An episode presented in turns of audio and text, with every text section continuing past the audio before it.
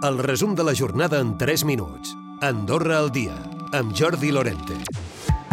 25 dones s'han adreçat al Servei Integral d'Atenció a la Dona durant el 2022 per demanar informació sobre l'avortament. Això representa el 70% de les consultes. Fa 3 anys que es va posar en funcionament el servei i ja s'ha atès a 88 persones.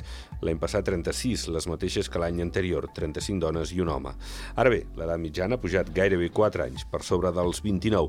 En parla la llevadora referent del servei, Cristina Pérez. Abans de, de causar un problema major i que la dona hagi de prendre una decisió que segurament li repercutirà més a nivell emocional, poder prendre aquesta, aquest tractament i tenir-lo a l'abast, és a dir, i que sigui dispensat per professionals d'infermeria i llevadores, penso que és, un, és el tic de la qüestió, perquè al final, quan una persona ve a buscar aquest tractament, el que vol també és la informació de com s'ha de prendre aquest tractament, quina sintomatologia pot donar aquest tractament, quines repercussions... La població té una eina més.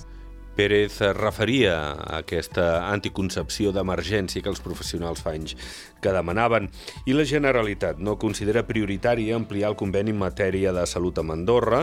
Així ho ha afirmat aquest divendres el conseller de Salut català durant la presentació del projecte del futur Hospital Comarcal de l'Alt Urgell. És Manel Balcells. El nostre vincle i la, el flux de pacients és bàsicament um, a dintre del nostre sistema nacional de salut i a Andorra tenim alguns acords puntuals, que alguns són millorables i que els hem d'abordar, però que no és la nostra prioritat absoluta.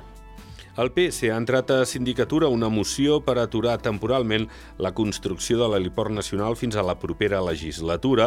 El grup parlamentari ho argumenta per la mala gestió dels diners públics. Recorda que el pressupost s'ha multiplicat per 3, que hi ha partides de 5 milions d'euros sense justificació i que el projecte no compleix els requisits inicials. I el Comú d'Escaldes va anunciar fa setmanes que podria assumir el cost total dels pisos de lloguer assequible a l'Avinguda del Pessebre, una inversió que podria ascendir als 7 milions d'euros.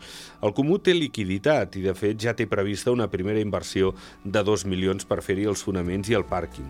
Amb tot, el cònsul menor escaldenc, Quim Dolça, ha dit aquest divendres en línia directa que hi ha converses amb el govern per trobar una fórmula conjunta de repartiment del finançament total de la construcció dels pisos i que podria anar al 50%.